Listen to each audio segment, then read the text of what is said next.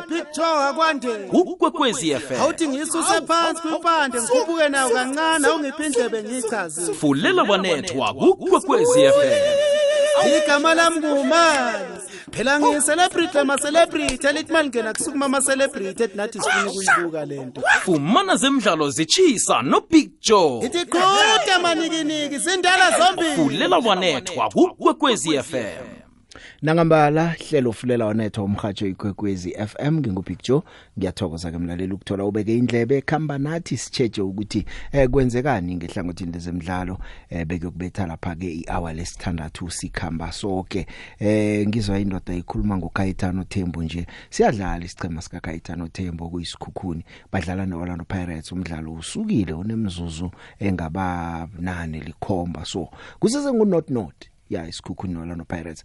Ngikhuluma ngePirates angazi bangake abayikhumbula kweOrlando Pirates yaka Costalin Papich eh ngendlela amalanga la banebelo bakhuthele ngakhona pheze bakubuyisela emva bakukhumbuza lesa sichema. Abakabukufika kiso kodwana ngendlela abadlala ngakhona uzokukhumbula sabodukuduku makhanya sabo cheese boy ihloko leya eh abo liremi eh ukhumbule uvilakazi little napoleon uzokukhumbula bophumuzo manenje ngalezi ngikhathi lezi. Ya angazi ukuthi khani eh u Rivera naye ufuna ukupheka into enjengaleyo okwakubhlungu ngalesa sichema ke ukuthi sesingathumba impikiri. Nakungalunga sidlale njengaleso sibuye sithumbe impikiri seOrlando Pirates.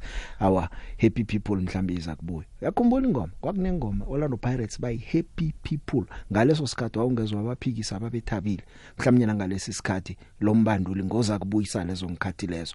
Nokho ngikho lapho ke kusese ngu not not eh imidlalo ikhona zinengi nendaba. Kodwa lokunye nje ngaphambi kokuthi ngiyokuthengisa ngizokutshela khona ngemidlalo ye PSL ekhona namhlanje nakusasa kunaba banduli abathathu. Abatsha babandula ingcheme ezitsha emabhankeni kuMarumo Gallants eh ku Royal AM eh ku Swallows Marumo Gallants yazi ukuthi uDentens Malisela uchinge ngapha usuke ku Royal AM ku Royal AM siyazi nje eh kukhulunyiswa indaba. Ngapha abanye abantu akekho namhlanje kazi eh, uGabo Zondo uyacothwa naye. Royal AM yala ithi thina simcoti kodwa abasiki benceba bataka sinesicheme ekampeni namhlanje akazi kuba khona. Asazi sisayicalile. Uyabona ukuthi nakhona ke kunechuguluko njengoba ngisitsho nje kukhambe uDentens Malisela eh uchinge lapho ke kusele uAbraham Nteo noKhabo Zondo officially singazi ukuthi kuzokwenzekani. Kuswalo nje bekayikhethe ka coach uyikhethe ka coach kokwakho kanje umusa Nyatama. Eh wakho abamba bamba uDylan Khasalwa nendaba ze work permit nje eh, bamnikele bathi eh ndoda bamba ke isichema sije sibanjwe nguwe. Baqale lapha nokuthi kusaza kuphunyulwa eh, ngesikhathi se World Cup. Mhlawumbe bazakufuna lapho umbanduli. Mhlawumbe kuzanga ukuthi usebenza kanjani bekufike leso sikhathi eh, umusa Nyatama mayena ngicala ukuthi ngalesi sikhathi sinamajuguluko amathathu engichemeni endathu ebankeni eh isizini epheleko na uyicala konje seyiyonke ingchema zabajugulula ababanduli. Nayiphela kwesizini bekunababanduli abahlanu abathomene ngichema basesekhona bekungu Steve Barker ku Stellenbosch kungu John Maduka ku Royal AM kungu Ernst Middendorp ku Maritzburg United eh kungilaba besichema se Mamelodi Sundowns eh ngizababala njengombandulo yedwa. Ngiyena ku Eric Tinkler ngali ku ku ku ku ku ku Maritzburg kokwakho ke eh ya ngo Ernst Middendorp ku Eric Tinkler bayangaphanga ku Cape Town City. So ukhona ukubona ke ukuthi eh amajuguluko ababanduli asazi ukuthi kuzakuthi kuphela isizini kuzabe sekwenzeke mangaki. Kodwa nje ngemva kwe break le eh, sibona mathathu eh, ungakhohlwa ukuthi chipa yacotha uDaintlade inyanga epheleleko. Engichemene ezi16 nje ezine seziwenzile amachuguluko sizini sakhamba la ikhamba khona nje. Phila njengomuntu osemkhanyweni ngombana mkhanyo oletha ukuphila. Phakathi ko-90.6 no-107.7 fm uthola umrhatsho okukhanyisela ngamalanga. Ikwekwezi fm kukhanya ba fulela wanethwa kinaye la uandile wakwadlamini. Kusomapala lo wesicema semamlodi Sundowns. Bagatela, nakuphilile nawe yena. Ngilini ngikhumbule wenza ingqondo yami izule Cela ukubuza lapho kusisi. Eh uma- uMandlameni ukuthi ngabe usekhethile yini ukuthi ucula ngephakathi asikakathathi sonke. hey andi Yebo. nakho umtshato ke dade uthi ufuna ukubuza ukuthi sewukhethile yini ngoba Yebo, ukuzocula yebo, yebo, ngephakade yebo, ngi-right. ene yena akakathathi Ngiright, ngiright. Hey, ngiright, ngiright ngalo ndlela ngizosho ngesikhathi esiright ukuthi hayi sengiqonyiwe. Kwamanje ngiright. dlala dlala big joe asidlali la ezemidlalo kufunela wanethwa. Ake ngithome la eh bantu bamaguduva njengami nje uh ubeke phasi umrudi mthalane kezamaguduva ngomunye wabethi maguduva abahle eSouth Africa esakhe sabanabo eh lapha ku IBF flyweight ube ikutani yephasa amahlandla amabili ngempela veke bekalwa ipi yakhe yokugcina.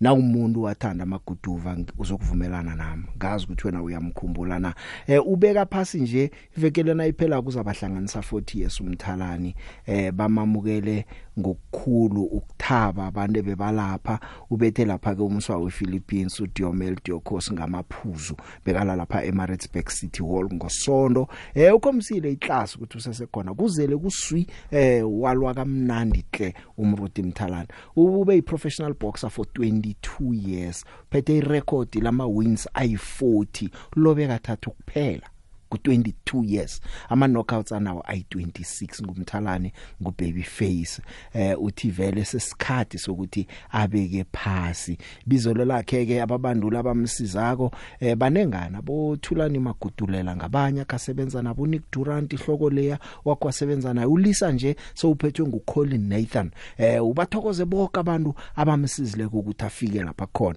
eh umrudi mthalane ubeke phasi kezamaguduva Mm, futhi ngisho ngithi bekuyifight yami yokugcina bengingalindelanga ukuthi mhlambe kuzoba abantu bazongijabulela kanje nami ngiqhamuka ngonke neringini ayikube into engeke ngikhohle impilo yami yonke. Mesibuya sizi fight nayo ifight ihambe kahle kakhulu. Lwamfana mengimbukela kuma video kwakungathi ueasy kanti mase ngibhekene naye uthi isicela sakhe sithanda ukuba nzima kungene kalula kuyena. Kodwa ngeke ngazitshela ukuthi hayi angisebenzisi experience yami ngamjahi ngishaya nje ngikoleka amaphuzu bengivele ngingalindele knockout kuyena bengifuna vele ukujabulisa abalandeli njengoba ubona bejabule ngazikwazi ukuyiwina ngama-points mm, istrategy ukuthi sasimbonile ukuthi uma umuya ngasesiswini uyashesha ukuzwela. Nakhona ukuthi istyle sakhe bengingakwazi ukushaya kahle esiswini kodwa bengibona mezihlala izibhakela khona ukuthi bethanda ukuzwela kakhulu samqeda uma nje umboni kade sekhathela impela. Cabanga mhlawumbe ubeseza ku-12 rand bengingaba naye knockout kodwa ngiyajabula kakhulu ngokuthi ngiphumelelile. Iyo nto evele bengiyihlelile le ngiyifisa ukuthi yenze ukuthi ngiphume esibhakeleni ngewini njengoba kujabule nje bonke abantu ade ubona nawe. Me ngithi ngithatha ukubheka ngina 22 years manje ngiyosibhayini esikhokhela nengicabanga ukuthi hayi ngeke sengikwenze konke ngihambile amazwe ahlukene ngaphandle ngawina ngaphinde ngahlulwa ngoba ngisahlulwe kathatha empini eziwu-43 manje. Mengibheka lo 22 years hayi ngemkhulu kakhulu. Mm, mm, kwisports kumele ube ushiyela abanye abasakhula. Nengizothanda ukuthi mhlampe ke bese ngiphumule esibhane ngikwazi ukulekelela ukuthi kuvundulule ke amakhono abanye ama world champion esizoba nawo impela ngoba ayingeke manje sengizithathile isinqumo sami ngifuna ukuphumula ngithathe umhlala phansi esibhakeleni bayothatha umhlala phansi baphinde babuye noma Josh Foreman. bonke benze Mm, ngingathini mina? Angazi mhlambe basuke beplane kanjani kodwa mina iyonto engangilo ngiyibona ibox mele retire liphinde selibuya mina kodwa ngizitshela ukuthi nje njengoba ungibone ngihlala isikhathi esingaka ngingaretire bengifuna ukuthi mase ngiretire ngivele ngihambe unomphela. Kodwa ngisazobonakala esibhakeleni hayi ukuthi mengolo mekukhona mhlambe ngisazobona ukuthi izinto zihamba kanjani ngixhumane nabantu abakhulu ukuthi mhlambe yini engingakwazi u- uyirole engingayidlala esibhakeleni. Shuthi ngasho ngithi ngibonga kakhulu nje buye wezwe egcineni kade ngilapha eringini ngingasho ukuthi ngiyabonga kakhulu i-south africa yonke lokho kumbandakanya bonke abantu engithole usizi kubona nabo bonke abangisaphothile ngolwa nangaphandle. Ngiyazi ukuthi basuke bengisapota ngala ekhaya. Ngibonga kakhulu kubo bonke abantu abadlale indima kwi- kwi-boxing ngi- kwi- kwi- kwi-career yami. Ngibonga ubaba okwena wangifaka esibhakeleni ngibonga okhuthulani magudulelo okholineta nonick durant eyi baningi kakhulu. Ngabala kuze kushona ilanga kodwa nje nokungalibisanga igama lakhe ngiyabonga kakhulu kubo bonke ngoba akulula lesibhakeleni heyi kunzima kakhulu. Me ungenayo inhliziyo eqile strong ungakhwitha uyeke udube usuku. Nami sikhona isikhathi sangehlela lapho ngithi "Eyi, izinto zingahambi kahle. Ngithi hayi ngiyayishiya le. Kodwa abantu engisondelene nabo bahlala nami phansi basho ukuthi hayi angibekezele kuzolunga nangempela kwalunga. Nangambala kungaba mnandi ukumbona uMrodi Mthalane angalisi akhambele futhi keza makutuva eh mnengo umsebenzi banengi ababethi makutuva angabasiza eh bakwazi ukuthi ke bakhambe inyathelweni zakhe. Eh ah, iziphi zakhe nje zokugcina sekazokubeka phansi nje bekalapha eHotbox Gym aphethwe nguColin Nathan. Eh ngengikhathe ezibudisi ke nakafika lapha kube beseka nesikhathe eside angalwi. Kodwa ulwe kuhle eh uthi nakakhuluma ko uColin Nathan uColin Nathan uthi eh umruti mthalane ku Hall of Fame uyafuneka kumele angene uthi nange ungacala nje eh uyi best flyweight ebudisini beflyweight eSouth Africa akekho ofana naye. Eh utsho njalo uthi nakungasise Africa yonke eh uthi akunamuntu ofana naye ebudisini beflyweight umrudi mthalana angathi angaphumula kamnandi ngathi angasebenza ilwazi analo alibuyisele emidlalweni wamaguduva eh uyidlalile indima kehle u babyface He, he's left on his terms. He's retired with a win. He is not just a great for South African sports, but he's an all time great for South African sports. We need to remember what he's done for boxing. We need to remember the heartache and the and the, the setbacks he's had in boxing as well. Uh, plagued by inactivity, being stripped of his IBF championship for the first time. Um, and and how he's come back. I mean, it's an incredible story. It's an incredible boxing story, and we could be looking at a future Hall of Fame here. I mean, just the storyline. Look at the fighters that he's beaten: Joel Casamayor, um, Zolani Teti, um, uh, the guy he w- won the title from. Um, Julio, what's the kids? I can't remember the guy's name, but if you look at the guys he's beaten, Yagashi, he's beaten incredible guys who Yagashi by himself could be a Hall of Famer, three weight division champion, and Maruti beat him. So if you look at the caliber of opposition that Maruti's gone in the ring with and beaten, sorry, it was Miranda, uh, Julio Miranda. If you look at the guy, and he went on to become world champion, uh, he's also graced the ring with Nonito Donaire. If you look at the caliber of opposition that he's faced and beaten in his career, he has to be considered for a Hall of Fame career. With regards to the greatest flyweights in Africa's history, absolutely. People will say Jake Tully. Let's be real. Let's be real. Mariti Mtalani is by far the greatest flyweight this country and Africa has ever seen and ever will see, and that's just the bottom line. ulalele ikwekwezi fm emalahleni 91.8 fm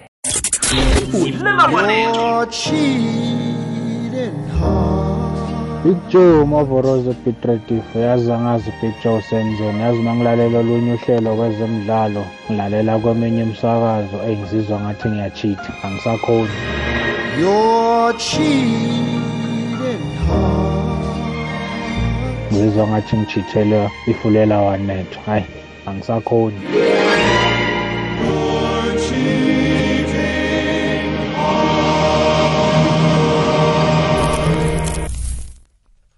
Nasihlabela phambili ke umdlalo wona ke uyaraga kusese ngu North North Orlando Pirates nesikhukhuni eh basesiqundwini sokthoma sikhame ke imzuzu emachuma amabili nomzuzu owodwa.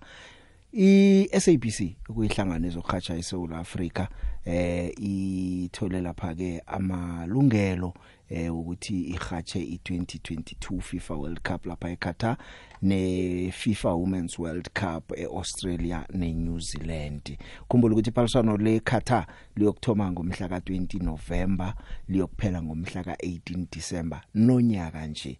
Manje ke ke eh ichannel yeSABC Sport Channel seSABC eh bacho ke bayokuhatsha ke basebenzisa ama platform amaningi imidlalo eminye zakho SABC 1 SABC 2 eh naku SABC 3 eh kanti ke eminye imidlalo ke uzayithola bunqopha vele ihatshwa nje eh bunqopha.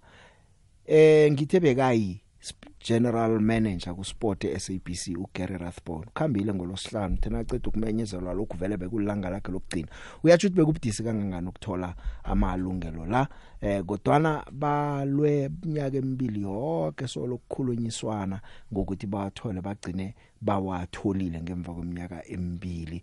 Eh bathole newe we TV we radio noma digital platforms for i World Cup ezakole eh, manje ke batsho bozichecha kakhulu ingchema zala eAfrica okuyiCameroon, iMorocco, iTunisia, eh iGhana neSenegal uthi bazabe bazitshejile hle kusho uGary Rathbone. No, absolutely. I mean, but particularly because of the situation that we have, the challenges in terms of our financial situation, you know, with the SABC, you know, we can't just go out and spend, pay whatever anybody's asking, say, well, this is the price and we must pay it. We need to you know, work out how we can afford these things, and so the negotiation to get this at the at a price or in a, in a way that we could afford it.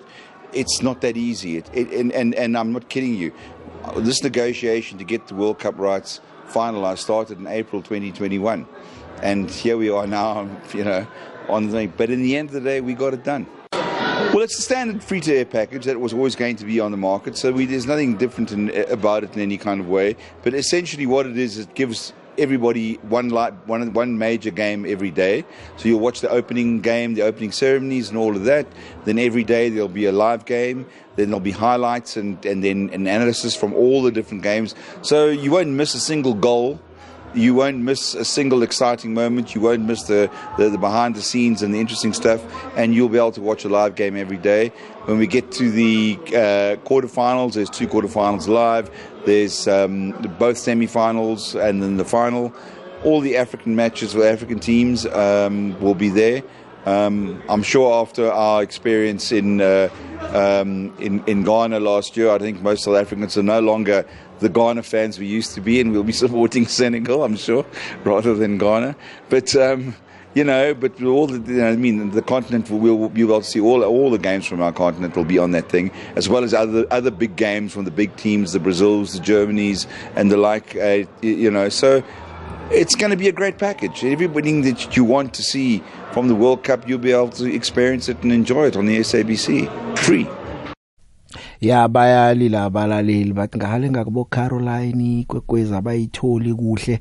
Eh asithemba ukuthi umraro loyo ke uza kurarululeka eh sizawubika nathi. Eh nani ngikhumula ubizi wakhuluma lapha veza inombolo ukuthi nani nomraro kuphi la nga SMS la khona kuphi la ngadosela khona. Bizwa kwayenze njalo iye kuyicala siyibuyelele kodwa ngoba eh sengithole babili bathathu Nami ke ngabathola ababili. bathi no ngakuleza ndawo abayitholi kodwa ke na ungayitholi FM nakho ke usuye TV mlo abantu ku audio bouquet channel 804 usuyilalela lapho eh, abantwana basekhaya baza kucolela kancane bakuboleka iTV usulala ifulela wanethwa baza kubuya godi ngemva kweminyaka emibili ke nesiqundo wakhona ke uRathbone ku SABC eh kunenga kwenzileko ngesikhatshana esincane esi eh uMadoda Mxakwe oyi group CEO ye SABC naye umthokozile ke ngendlela asebenza ngakhona. uRathbone uyatsho ke ukuthi bekungasilula nokuthi afike esiqondweni sokuthi uyakhamba ku SABC na ungaqala nje kunenganjana ku SABC Sport akwenzileko? Bundesliga namhlanje ikhona eh nguye wayedosa phambili English Premier League imidlalo iyabonwa ku SABC channels nguye wayedosa phambili. iESPN ikhona nayo. Nokunye nje okuningi eh okukhona nje okumajuguluko ezena umsinyazana nje wafaka eh kodwa ke eh into nje ongaso uthi man siyalila iDStv asikwazi uyithola yonke ngokukhumbula ukuthi nakafikako ngathi nangikhuluma naye watsho wathi ngiyabuza ubhlungu nami ukuthi abantu abakwazi ukubukela imidlalo yekhaya ngendlela abafuna ngakhona ku SABC kodwa ama contract amanye anegotiate kade vela hlezi njengoba njalo siza kurapela nakufika lapha ekumele ekunegotiate khona godu mhlawumnye silingeke ukuphutsha ngamandla ukuthi mhlawumnye singayithola imidlalo ekhaya nako ke ukambileke uGary Rathbone In- Indeed, I mean, because that to me is where the future, we're building the future for SABC Sport. Not just for SABC Sport, but for South Africans who want to be able to get access to sport all the time without having to pay a subscription fee. That's where it starts, and we're going to be building a lot more around that. And yes, it- it's, it's, it's, I feel. You know, it is a bittersweet, bittersweet moment that we have a big event like this announcing the, the World Cup. Um, at the same time, to say, well, you know, I mean, this is my last day at the SABC. But I think it's important for me to note and point out that it's not that's not the end of my relationship with the SABC, with SABC and SABC Sport. This is a project I believe in so much, and there's still a lot of great things that we're going to be doing with SABC Sport. I'm still aiming to be a, a part of that. I'll still be working with the team in every way that I can um, from the outside because I believe in it totally. And, and I'll tell you what, it's going to be over the next couple of years. The, it's going to become the biggest thing. In, it's going to be the biggest game in town is the SABC Sport. It's been an incredible journey. It's been an absolutely amazing journey. I mean, I've been in broadcasting and sports broadcasting for a long time. I've always felt strongly about free to air broadcasting because I believe that, particularly when it comes to sport, Um, this is something that should be accessible to all people, to you know what I mean, to of any nation, and certainly for my own nation, for South Africans, to be able to get the opportunity to work with the SABC to do exactly that. It's fantastic. And I'm really actually proud, and it's been a privilege for me. And I've learned so much about the free to air space, and I know so much more about it, you know, from that. It's been challenging as well because you know the nature of free to air broadcasters we don't have the luxuries that you get in the pay TV market. So things that in, in previous you know roles that I've had where things have been a lot easier to do have been a lot harder to do here, and it is a challenge. But at the end of the day, those challenges are worth it because the reward is is that if you win those challenge challenges, you rise above them and you deliver. You're delivering not just for a few people, but for all South Africans, and I think that's really important. Ya nje siya ewomen lendaba kusese ngu not not eh kodwa ke zona amadoda indaba zekhanje wabe ngisatsho nje eh yakakhapho zondo indaba ngazi kwenzekani? Kodwa noma mkhiza nakabuzwa ukuthi no sithe akasala train abanye abadlali abangakho ku match squad namhlanje. The whole head coach or a joint coach bese kutiwe sala wena utrain abangekho ku match squad eh sakubona nasibuyako. Asaza siyakhele nomkhanyo indaba le. Nandi umwele indaba akube nomkhanyo. Ah Big Joe. Angibingelela umakhosi kanyandeni lokhulumayo kwanongoma kwabumba indawo. Eh asibongela ubaba umthalane. Eh kukho konke akwenzile esibhakeleni simfisele okuhle. Sifise ngathi ne government ingameseka eh mhlawumbe noma imakhele noma nje academy ukuthi akhulise abafana abancane esibhakeleni. Kube nento akayenzayo ukuze akhombise ubchampion bakhe bemncede. Bese ngithi Big Joe ake nisitholeleni lapha. Kwenzakalani lapha kwethu ithahla? E-royal air lokhu sizwe indawo kuthona abaqeqeshi bayahamba nangithiwa omunye ake yabonakala ekhempini kwenzakalani kuleli qembu ungathi leli qembu uzosidalela iy'nkinga ey'ningi angibonga lotsha big joe simasilotshe big joe eh big joe udlulile i-fight eh ngimbonile umruti mthalane ukuthi no i-experience yamsebenzela umruti mthalade bekafana bekafuna ukumanaja i-fight bekangafuni ukuwine i-fight ngenye knockout bekafuna ukumanaja i-fight and ukuyenzile kona lokho big joe? Ngithanda ukumthokozisa kuyo yonke le minyaka. Ngikhula ngim- ngim- ngim- ngimbhekile.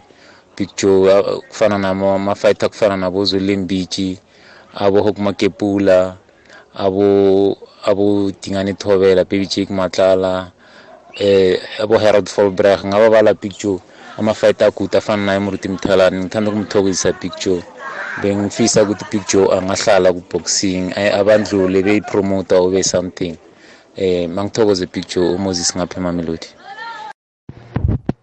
big joe nabangimangala ukhabo zondo bamgqotshile mara mos nosoqale kuhle i-royal em akusibo abantu laba bebhola kuba abantu laba bathanda ukuzibukisa ebathanda ukuzibukisa ukuthi bona banemali nokuqotsha babandule ngesikhathi lesi bona bafuna ngaso. Mina into engiyibonawo la i-celtic izokuthenga istatus sabo back. Akunabholo ku-royal am nangutlonda la nge-almasdrip c thokoza thokoza picture. Eh ngiyakulotshisa lapho. Nobiziwe usipho mahlango la eh, picture iBrazil elikhulu la ngeRandburg.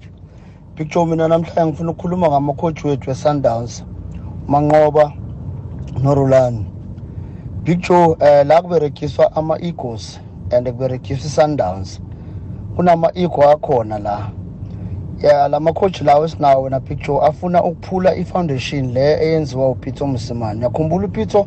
Beyananda khulu amadele team ngeyami. I started from from the scratch. I drove this bus alone. So into abayenzako la ba ba- baphula le le foundation yakhe uPito. Bazama ukuprove ukuthi nabo they can start their own team. Ingakho bakhambisa bola K. Besingekho isidingo sokuthi akhanjiswe la K wona Big Joe is a defender of the season une-experience ukudlula umashiho une-experience ukudlula u oprimudiba kodwa le nto leyo wena Big Joe izosibulala wena Big Joe khulu. Abo onyango vele abakhohlwe wena Big Joe ukuthi bazophinde bangene. Ngiyabona mina ukuthi bayithatha bayimixaphi i-sundowns kodwa thina sizimasapota we-sundowns sisazokulila. This season hayi kuzoba budisi khulu Big Joe ngithokoze lotshani lotshani lotshani lotshani buju. Abetura mina mina joseph mathebula.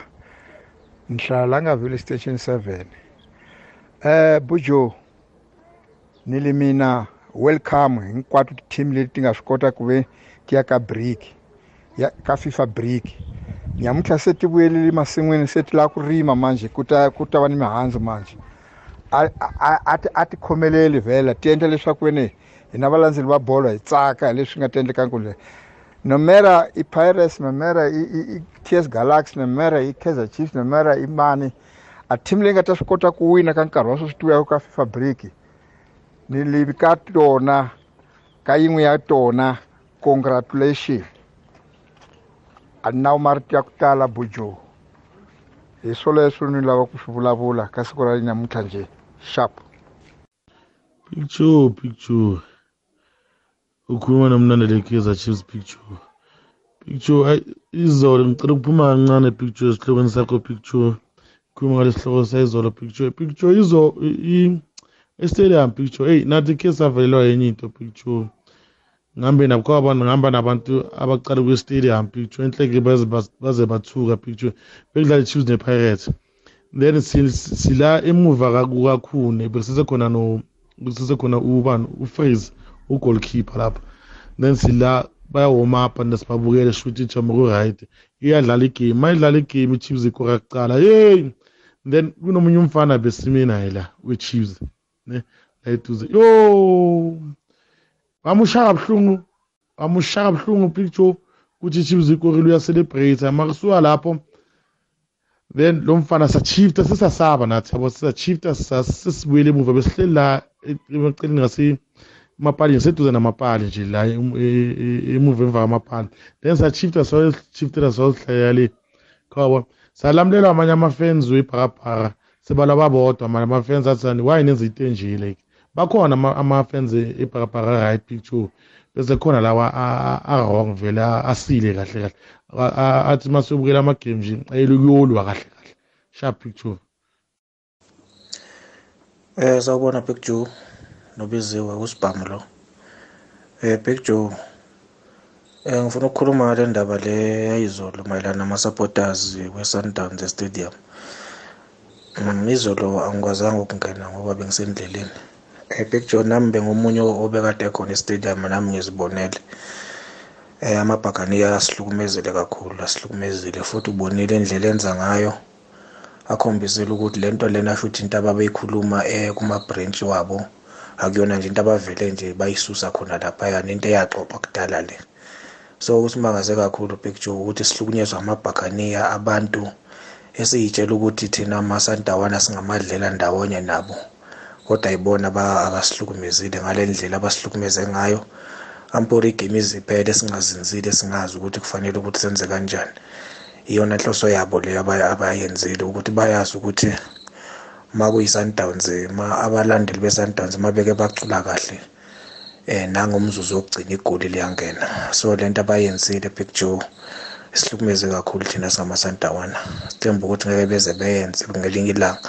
Ngoba kuzoya lapha ekutheni kusebenze khona lento ekuthiwa umthetho kamose ukuthi iswa ngeso. Ngiyabonga big joe. Ya izinto ezingafunekiko. Angazi mina ku- kunabantu vele abaye ematatawini ngasuthi umuntu vele uyela ukuyokuthwenya eh kodwa na siyazihlazisa s- sasiziphathi kuhle man. Akubukelwe na ungayokucala kubo makhakola raho ucala imidlalo yecricket ngeke ubone kwenzeka into ezenzeka kwezi. Eh kanti kuthengiswe notshwala ke khona kumakhakola raho pha basela abantu nabaceda ko bangenza litho. Ngithapha kwasikwati wayihalasana le plastic liyangena abantu bathelana ngale halasane la.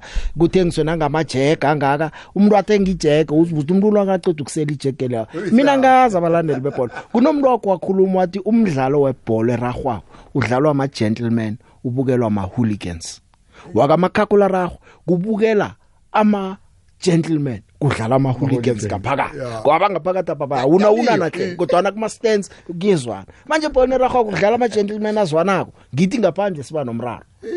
Asingenzi njalo. Ngiyakhambe ngiyokuthengisa eh ngiyabuya. Nangibuyako sizwa ngo Desiree Ellis eh, asitshela nje ngosomapala uAndile Dlamini ukuthi uzabangekho esichemeni siya eAustralia. Akhuluma nje ngamalungiselelo njengoba ke uchejwe isichema kubhincelwa kuhle kuhle iphaliswano leBigiri yephasi. Australia sidlala nayo le eh, ku number 12 ephasini kuma rankings eh, kanti bo somnyanya ima joint host wephaliswano leBigiri yephasi yabentazana eh, unyaka ozako eh, icede kubetshwa eCanada ukuya nokubuya inyanga epheleleko likabili manje asazi ke ukuthi nathi khani singakwazi ubabetha na? Ke ngiyokuthengisa uDesiree Ellis uzasicocela ikwekwezi fm middleburg namaphethelo 91.8 fm kulelawanethwa indaba le ngikhulumako yaka Dr Ivan Khoza eh mbuzo lotsho ukuthi khani iPSL le ilele phezulu kwakhe khulu na?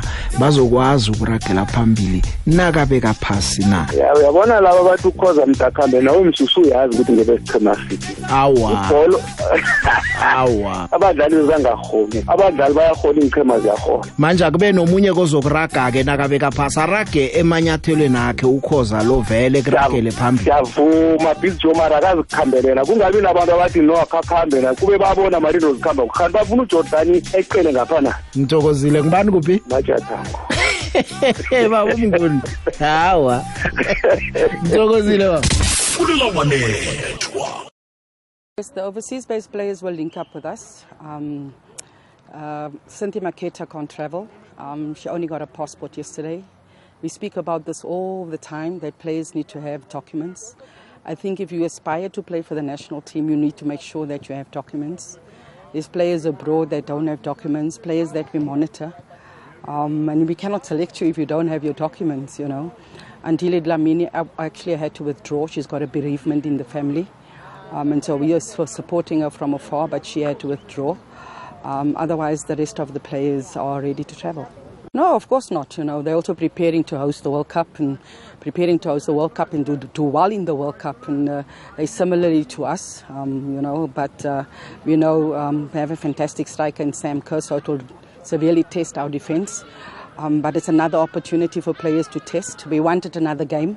Uh, unfortunately, we couldn't get another game uh, in London because uh, some of the teams already have international friendlies, and others who we wanted to play are busy preparing for playoffs for the World Cup. So we couldn't have another team, but we'll try to utilize as many players as we can because it's also an opportunity to test players. Um, you know, we speak about who we take with us on our journey. It's very important that we start, you know, settling on a core group um, as soon as possible. But the door is never closed for that players that will wow you. I remember 2019 in May of 2019, which was about a month away from the World Cup. We took Sibulele and Karabu with us to, to USA, and there was no way that we could leave them out the way they performed. So the door is never closed, but we're looking at working with a core group of players going forward. umbanduli ke uDesiree Ellis uyakhamba ke nesichema sakhe eh bayokudlala lapha ke imidlalo obungani lapha ke balungiselela khona iphaliswano lebigiri yephasi eliyokuba mnyako zako nangabe isichema akhamba naso esi esiyokudlala neAustralia eLondon awusazi esijame ngalindlela ke bokudlala ngeng8 ngesikhathi sekhaya apha kuzabe kungafi past 1 emini eh uAndile Dlamini bekamfakile ke kodwa na njengoba usizwa nje eh, akasayike kukhona into eveleleke ekhaya. Yabo somapala nje kuno Rachel Ngobeni uDineo Magagula. uRachel Ngobeni eh, ngwe UWCFC eh, bese we UJ uMagagula lo. Eh, abadlali bemva nguthato litsos litsuso ngweTUT ufikile magama ngwe UWC eh, utisetso makhubela ngweMamelodi Sundowns eh ulinethemba mhlongo UWC eh uCynthia Makate Bloemfontein Celtic ubambanani mbane kweSundowns bonge kaGamede UWC kanemapalini eh kuno Simon Souls kweJVWFC eh urifilo jane ngweSassuolo eh usibulele holweni ngweUWC ulinda mutlhalo ngweJack Dance eh uTelia Smith Mamelodi Sundowns eh uRobin Moody JV JVW eh uamogela Mutawu UWC kanti phakathi phambili kuno Nthabise Majiya we Richmond United Thubelihle Shamase UJFC eh uGabriela Salgado JVWC eh G, JVWFC uJerman Soposingwe eh ngwe Juarez FC lapha eMexico. Eh uMelinda Khadiete weMamelodi Sundowns eh uHilda Makaiya weSijong Sporto Sportoto ya. Ngibo laba abadlali ke akhambe nabo eh u uDesiree Ellis. Kanokunye ke eh, izolo ke ingchema eziyokudlala iBlack Label Cup okuliphaliswano lelanga elilodwa ziqinisekisiwe 12 November eFNB Stadium amathikiti sekayathengiswa. Kaizer Chiefs iyokudlala neOrlando Pirates eh iMamelodi Sundowns iyokudlala namaZulu. Semifinal yokthoma ingo 9 iSundowns namaZulu. Yesibili eh iChiefs nePirates semifinal ngokukhamba kwesothi hey abantu abathanda idabi bazoyibukela ke man. Eh inyanga le eh, ukhumbula ukuthi ikhona neyeleague derby eh nasi enye ikhona siyayibona. Sisaqaleke ukuthi ku MTN 8 khan nakhona sizayibona iderby kuma finals namtjana njani na? Asazi sakwakho umkhanyo. Eh amatikiti kayathengiswa 80 rand kuya ku 200 rand. Liphaliswano lelanga lelodwa ingchemezini ezivotelwe ngini zizabe zidlala. Eh iKaizer Chiefs eh kuyakhombisa nje ukuthi hayi eh abalandeli baya aba aba nazize kuvoteni abanandanga. Abanandanga bayavota hle. 490376 eh Orlando Pirates eh 354472 Mamelodi Sundowns 171717 amaZulu eh 144829 mavotes engwabala kula eh amaZulu ndoda bawabambene neswalo sizisunduzana zifuna ubujamo besinobo eh agcina abambile lapha ke amaZulu. Angenile ke sakubona khona ukuthi eh ziyokura kanjani ichema lihlelo fulela wanethwa umhajo ikwekwezi FM mina ngikubig John. Njengemhleni ke ngiyokhamba nawe sokulamula lihour lesithandathu sitsheja indaba ezikhamba phambili. Nawe wakho umbono siyawufuna ke kuleli hlelo. Tsima JP bayogcina babuyele emakhaya. Boka babale kubuhlungu beSoweto either Orlando Pirates or Kaizer Chiefs. Mamelodi Sundowns iyasinka. Ngathi mina nakumenyezelwa kuthiwa batsho kuno kunegama likayise indodana nomoya engcwele three laba babantu laba. Ngatsho mina ngathi kunento ekuthiwa i-chain of command ekuphatheni. Umuntu ufanele azazi ukuthi uripota kuphi. There's no way ukuthi batsho ukuthi abantu kunabaphathi ababili ekampanini. E-e akwenzeki lokho. There's what we call chain of command. Manje engikutshoko ngivala sima imamelodi sundowns as long as kuno-steve compela lapha is going to deteriorate until to the last core uzokuthi ngatsho ngakutshela. Net kokuthatha usteve compela bambeke lapha. That guy is not going to help them with anything. Abalisa urulani nomncithi baqhubeke. Omunye abe yi-head coach omunye abe assistant uzoyibona imamelodi sundowns izokuhamba kuhle. Evaterfalbek ukhanya pha. Ngiyakanuka yazi ukuthi uDennis Lothano uyasitshela ukuthi wenzeni uSteve Kompela khuyina zoyona khuyina yonako khuyina angayenzi kuhle. Ngizowusipho umlandeli weSundowns nakabala ama coach weSundowns abakambali nombali uSteve Kompela ubala uRulani nomanqoba Mnqidi manje uyangena ke lo ukuthi batsho solanka kuno Steve Kompela indwazi zokulunga. Ngizibuza ukuthi wenzeni enza ukuthi mhlawumnye yabona ukuthi nguye owona izinto isicebenzisa nazo kodwa na ke ivoice note thana bekangenile bengizambuza. Eh thobela thobela eh Big Joe eh lebisiwa ka mo kwekwesi eh Big Joe nna ke rata gore Royal AM e tlo tshwana le Chipa United. Royal AM e dirile mistake o mogolo golo golo golo eh go tlosha coach re le ya bona go ya kwa ga Maritzburg. Mola gona mola ba dirile phosho ba dirile phosho eh go tlogela John Matuka a tsamaya. Eh ba dirile phosho a ke re ka moga tlhopha sa ka sa Kaizer Chiefs ke re a go sa le boima. Poto e ba e apeyang a ke tsebe gore ke efe. Kore a ke tsebe gore bo ba tlo apeya go fitlhaneng kore a ke lebeletše ei hai ke bona o kare e re mathateng a magolo ka kaizer chiefs.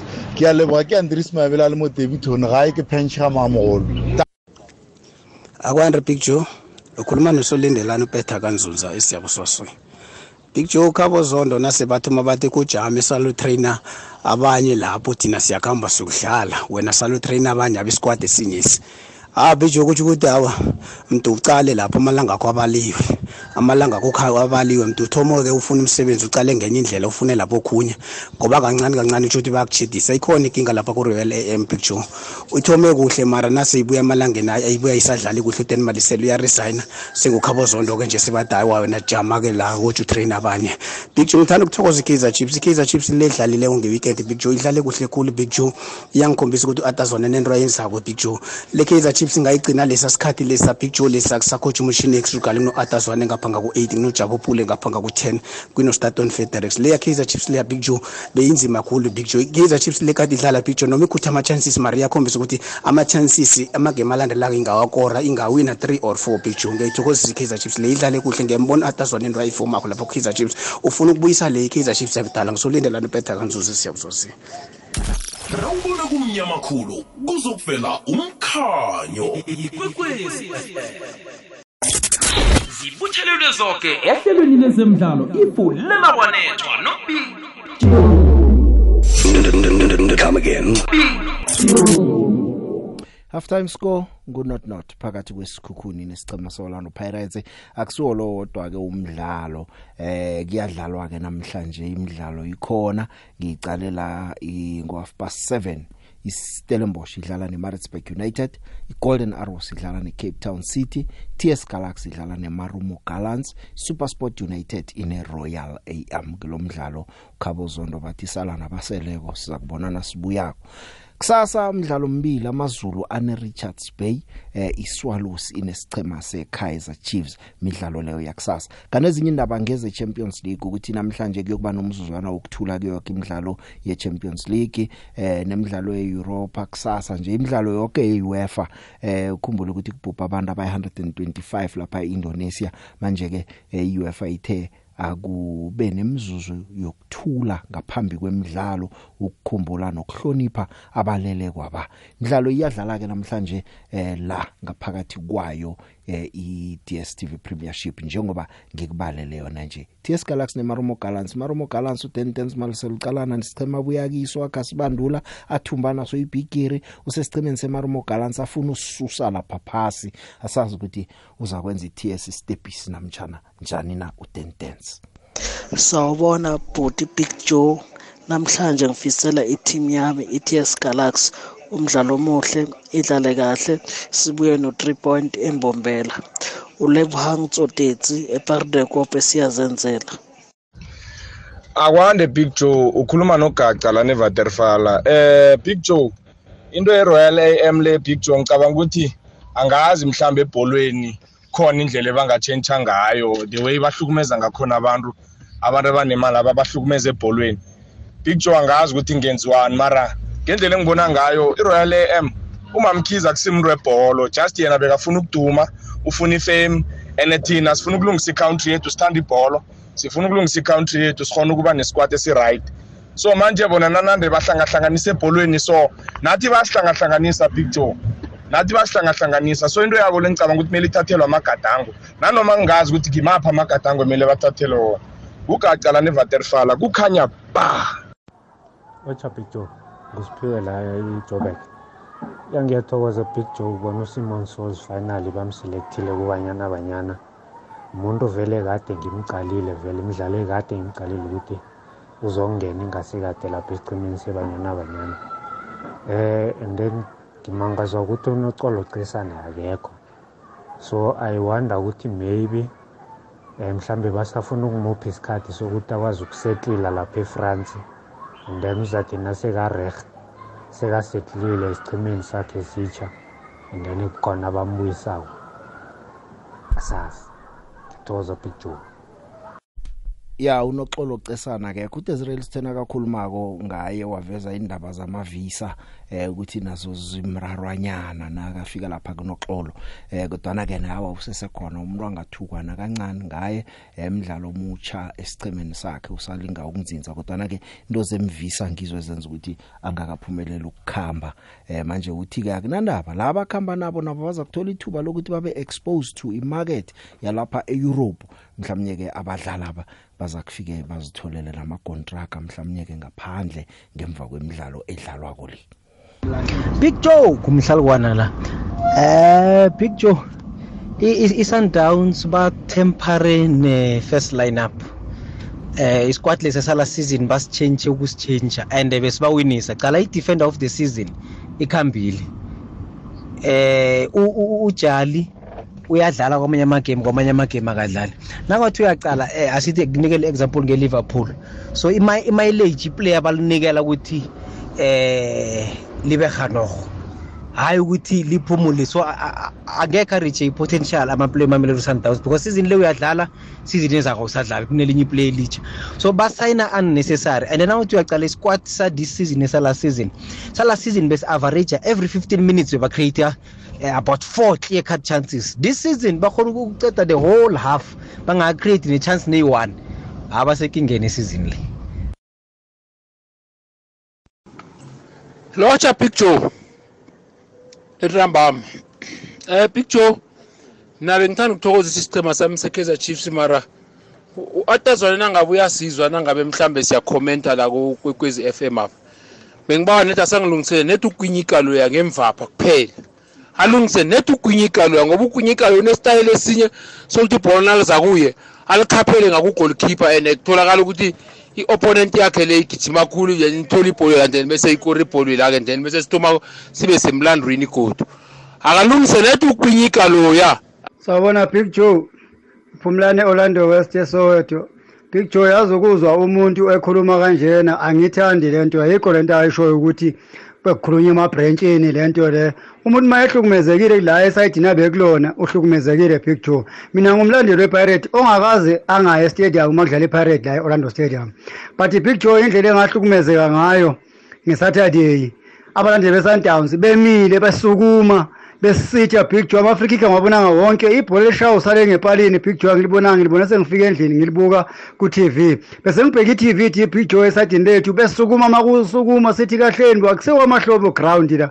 Nisukumelani big joe ngendlela ade bebengayo big joe abanye bakhona bebephezulu kule stende zokugcina phezulu kulele kule level ephezulu big joe besithela ngotshwala yano ibdisi ikulu indaba ematatawini. Asiziphatheni kuhle. Ya nangabe unomraro ngokuthola umhatsho eh inomboro ongayi WhatsApp i072 1968368 yisentech leyo bazokusiza. Na udosako 0860 736832 0860736832 eh kulapha ungasizeka khona ke na umbi umraro loyo ungakwazi ubika Hey Big Show. Kunjani na? Hey, uSbu udlala ngawe. Wayeqaphele ngokuthi iChiefs izodliwa ngamaZulu. What? Izo ama isu isu i- Sundowns nePirates sizodlala idraw not not. Manje seyatshintsha uthi hayi wayeqaphele ngokuthi uzoba ithuthuku super pirates nayo nayo ne-sundowns. Kanti hayi zange akhulume kanjalo wayethe i-thrower not not. I-chiefs izodliwa amazulu. Wathi ubona usizi kumazulu ku-chiefs. Sibusiso mnungu angikhohlisa kodwa nabalaleli ngezwe abakhohlisa kuthi ngadlala ngami khuluma inoko losihlalo ngomvulo ijike umlaleli ngezwe wamkhohlisa mfana. Yazi ngihleka ngedwa la. Khani kutsho ukuthi mhlamba zange ngizizwe ke jo yazangwazizwa ya ngiyancancabeza nanoma-ke ngathi-ke i-pirate ne-sundowns zokudlala idroga not not nakhona bengisayibethile. Mara wathi ke ngathi batsho amazulu ayokudla i-chips. Ya wathi Ayi, nama- ubonusisi eh, namazulu atho makorakange manje ayidla ke ngokukorantange. Hawa okay. Jokuhamba kuhle yezo Sup.